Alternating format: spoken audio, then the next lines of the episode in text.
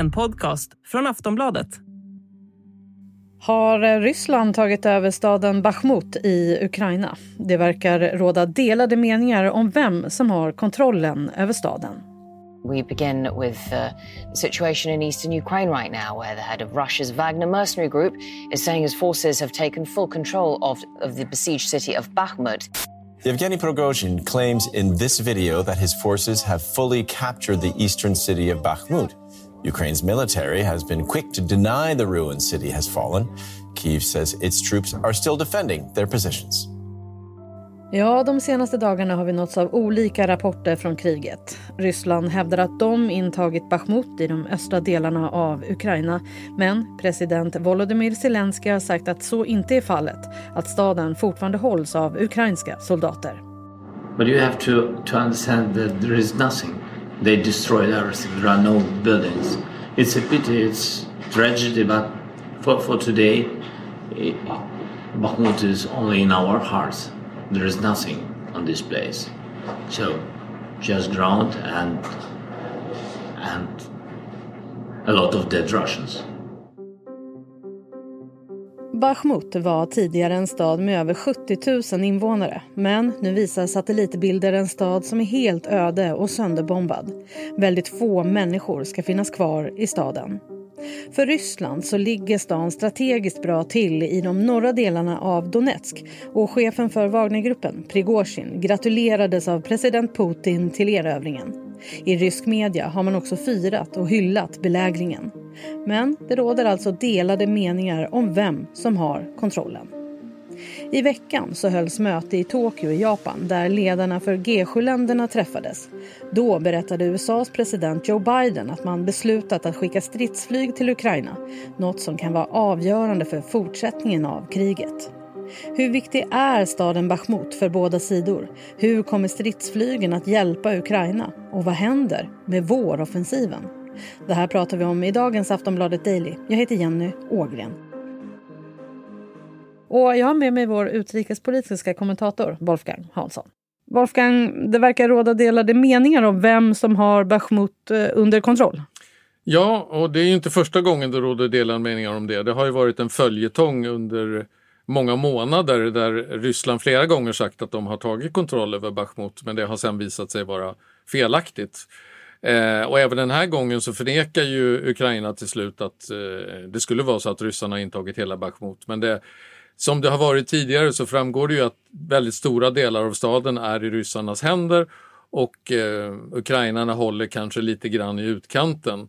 Det verkar inte som att det har, läget har inte förändrats på något väldigt avgörande sätt som jag uppfattar det utan det är, det är helt enkelt att ryssarna försöker ju med jämna mellanrum utropa seger och det har de ju nu gjort ännu en gång och Putin har gratulerat eh, soldaterna till segern och så vidare och det är eh, väl bra för honom att kunna visa upp någonting på hemmaplan men, men i praktiken på slagfältet så är det inga avgörande förändringar. Varför är Bachmut då så viktigt för Ryssland?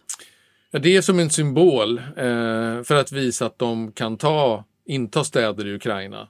Och nu har de ju hållit på och kämpat här i månader eh, för att ta Bachmut.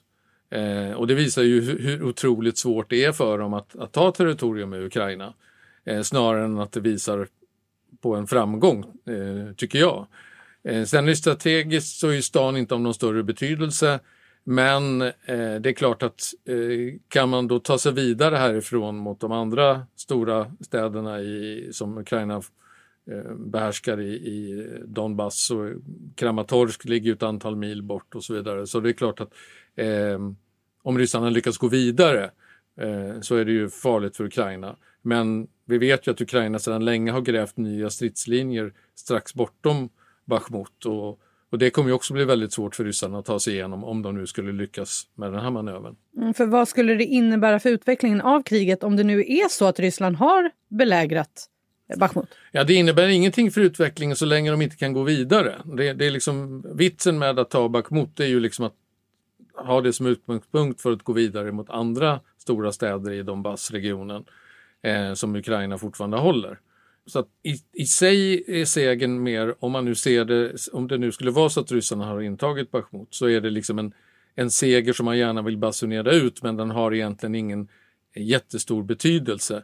Eh, och stan är ju som sådan är ju uppenbarligen helt förstörd. Det finns ju inte mycket kvar. Eh, alla byggnader är träffade och mer eller mindre utbrända. Det finns nästan inga av de 70 000 människor som bodde där så är det max några tusental eh, kvar som har vägrat lämna. Så att det är ju liksom en, eh, en död materia som man intar. Ja, och det sa ju också president Zelensky när han träffade Joe Biden i, på det här G7-mötet också, att det är en helt utblåst stad i stort sett. Det finns ingenting kvar. Nej, och så verkar det ju vara om man tittar på satellitbilder hur det ser ut så, så verkar, det, den, verkar ju det stämma. Eh, och jag såg att i den ryska tvn så presenteras det här som att det var Ukraina som själva har förstört Bachmut. Snarare att det är den ryska beskjutningen som skulle ha gjort det. Wolfgang, du var inne lite på vad som står på tur näst för Ryssland. Vad tror du? Var, vart tar de sig sen? Ja, så jag tror inte att de riktigt har kapaciteten att ta sig så, eh, så mycket längre. Nu handlar det liksom om att i sådana fall eh, omgruppera och, och eh, förbereda sig på var kommer Ukraina att sätta in eh, den här våroffensiven som alla har, har gått och väntat på. Eh, sen är det ju också så att eh, det här är ju Wagnergruppen som har stridit mycket i, i Bachmut.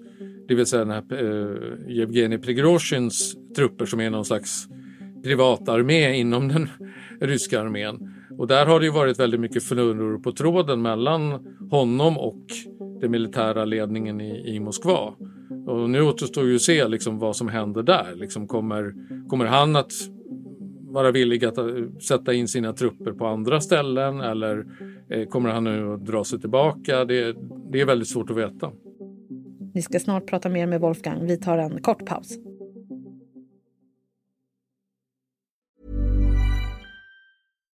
Millions of people have lost weight with personalized plans from Noom. Like Evan, who can't stand salads and still lost 50 pounds. Salads generally for most people are the easy button, right? For me, that wasn't an option. I never really was a salad guy. That's just not who I am. But Noom worked for me. Get your personalized plan today at Noom.com. Real Noom user compensated to provide their story. In four weeks, the typical Noom user can expect to lose one to two pounds per week. Individual results may vary.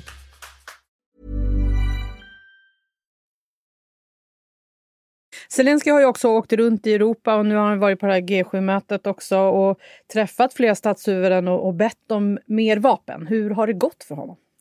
Jo, det har väl gått ganska bra. Han, eh, de här resorna i Europa, de har ju träffat de statscheferna har han ju träffat tidigare men framförallt så har han ju varit också i Saudiarabien och träffat eh, ledarna där. Han har varit eh, under G7-mötet i Tokyo som du sa så har han ju träffat Indiens premiärminister Narendra Modi och det är en väldigt viktig person i det här för Indien stöttar ju Ryssland väldigt mycket indirekt åtminstone genom att köpa väldigt mycket av den här oljan som ryssarna tidigare har sålt till västvärlden. Den köper nu Indien till kraftigt rabatterade priser. Och om Zelensky kan få in lite mer, eh, få indierna att se lite mer välvilligt på Ukrainas sak så är ju mycket vunnet för honom. Um, och sen kom det ju besked på det här mötet i Tokyo att eh, man ger ökat vapenstöd och också att man ska skicka stridsflygplan eh, till Ukraina eh, och utbilda deras piloter. Och det har ju president Biden tidigare sagt nej till. Där, där har det gått en definitiv gräns. Nu har han uppenbarligen ändrat sig och sagt att det här är någonting som Ukraina kan komma att behöva för sitt framtida försvar eftersom USA ser som att det här kriget kommer att hålla på under, under ganska lång tid. Eh, och det är ju naturligtvis en väldigt stor framgång för Zelensky för nu har han ju fått nästan allting som har funnits på hans önskelista. Eh, det har ju varit så att han har hela tiden skjutit västvärlden framför sig. Han har sagt att jag vill ha det och det och så har västvärlden sagt nej, nej, nej, det kan du inte få. Ja, men jag vill ha långtskjutande artilleri. Nej, men det, det, vill vi inte ge dig. Och sen efterhand så har man ändå levererat allt det här han har, han har velat ha. Eh, och det här stridsflygplanen har ju varit någon slags sista gränslinje som nu uppenbarligen är överskriden. Och vad innebär det då för Ukraina att man får de här stridsflygplanen? Ja, det innebär ju att man exempelvis kan bomba ryska ställningar från luften. Eh, eftersom ryssarna inte har luftherravälde i, eh, Ukraina så eh, är det ju fullt möjligt för Ukraina att flyga över sitt eget territorium och, och attackera ryssarna den vägen. Och det är klart att det ger en extra stor fördel, även om man nu har kunnat göra mycket med, med hjälp av drönare och annat och artilleri, så är ju stridsflygplanen väldigt effektiva. Eh, men vad händer om exempelvis eh, de här F16-planen skulle angripa ryska mål på Krim som ju ryssarna ockuperar men som de anser är rysk mark. Hur kommer ryssarna att reagera då? Det, det är ju sådana saker som har gjort att USA har tvekat att, att ge stridsflygplan till Ukraina för man har varit rädd för att det här ska trappa upp kriget på ett sätt som gör att väst dras in ännu mer. När är det rimligt att Ukraina kan börja använda de här planen? Det kommer att ta sin tid därför att de ukrainska piloterna måste ju först utbildas i att flyga de här planen. Eh, jag vet inte hur lång tid det tar för en stridspilot att lära sig ett nytt, eh, ett nytt plan men jag misstänker att det kommer att ta åtminstone några månader innan de här planen är på plats och att ukrainarna kan flyga dem. Du var inne lite på det, hur eh, västvärlden liksom har flyttat sina gränser med vilka vapen man är villig att ge till Ukraina. Nu får de stridsflyg. Eh, vad innebär det här för övriga länders inblandning i kriget? Det som händer är ju att man så att säga går djupare in i kriget. Det blir ju, det blir ju liksom eh, ännu mer eh, Nato eh, som står emot Ryssland fastän man inte slåss direkt med varandra så krigar ju Nato indirekt genom att man ger så här eh, avancerade och många vapen eh, till Ukraina. Och det är klart att det ökar ju risken för att kriget kan sprida sig. Nu har vi ju sett att tidigare eh, under det senaste året här så har ju i takt med att vapensändningarna ökat så har ju ändå ryssarna inte kunnat svara på det på något effektivt sätt. De har inte attackerat något NATO-land och de har inte försökt stoppa de här vapensändningarna i någon större utsträckning. Eh, och det innebär ju kanske att den risken för upptrappning som man såg tidigare bedöms vara mindre nu. Och det är därför kanske som man då är, är villig att ge de här stridsflygplanen till Ukraina. Nästa steg på skalan av vapen känns nästan som kärnvapen. Ja, och där, det är ju ett no-no. Det, kommer ju, det har ju inte Zelensky begärt och det tror jag inte han kommer att göra heller. Men skulle han göra det så där skulle ju definitivt gå en gräns.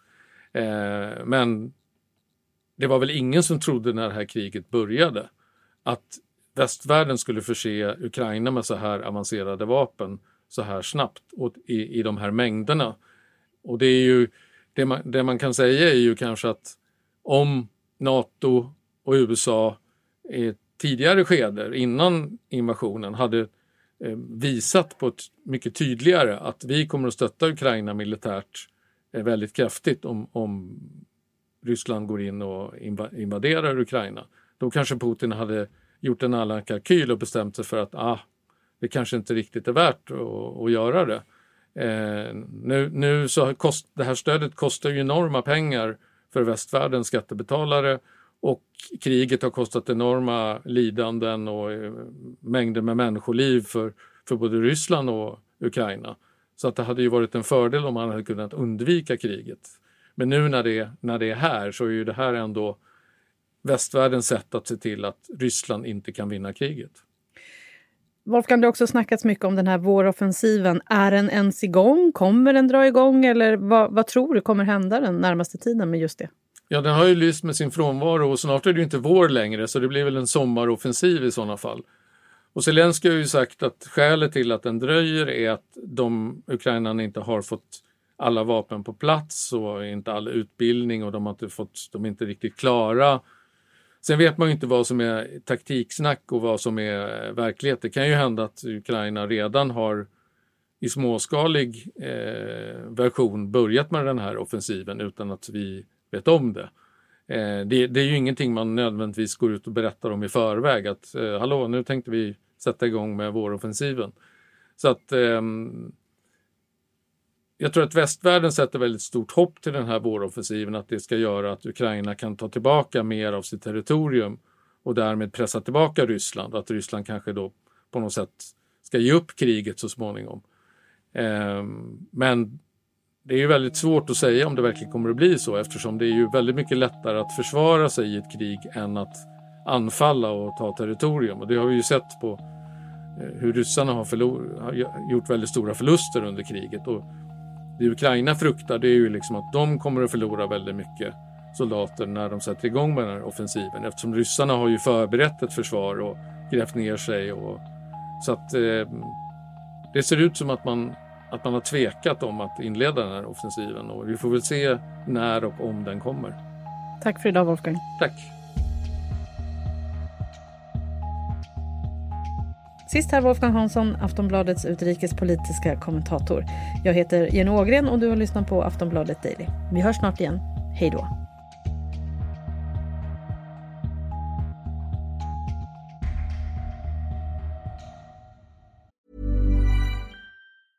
Ryan Reynolds here from Mint Mobile.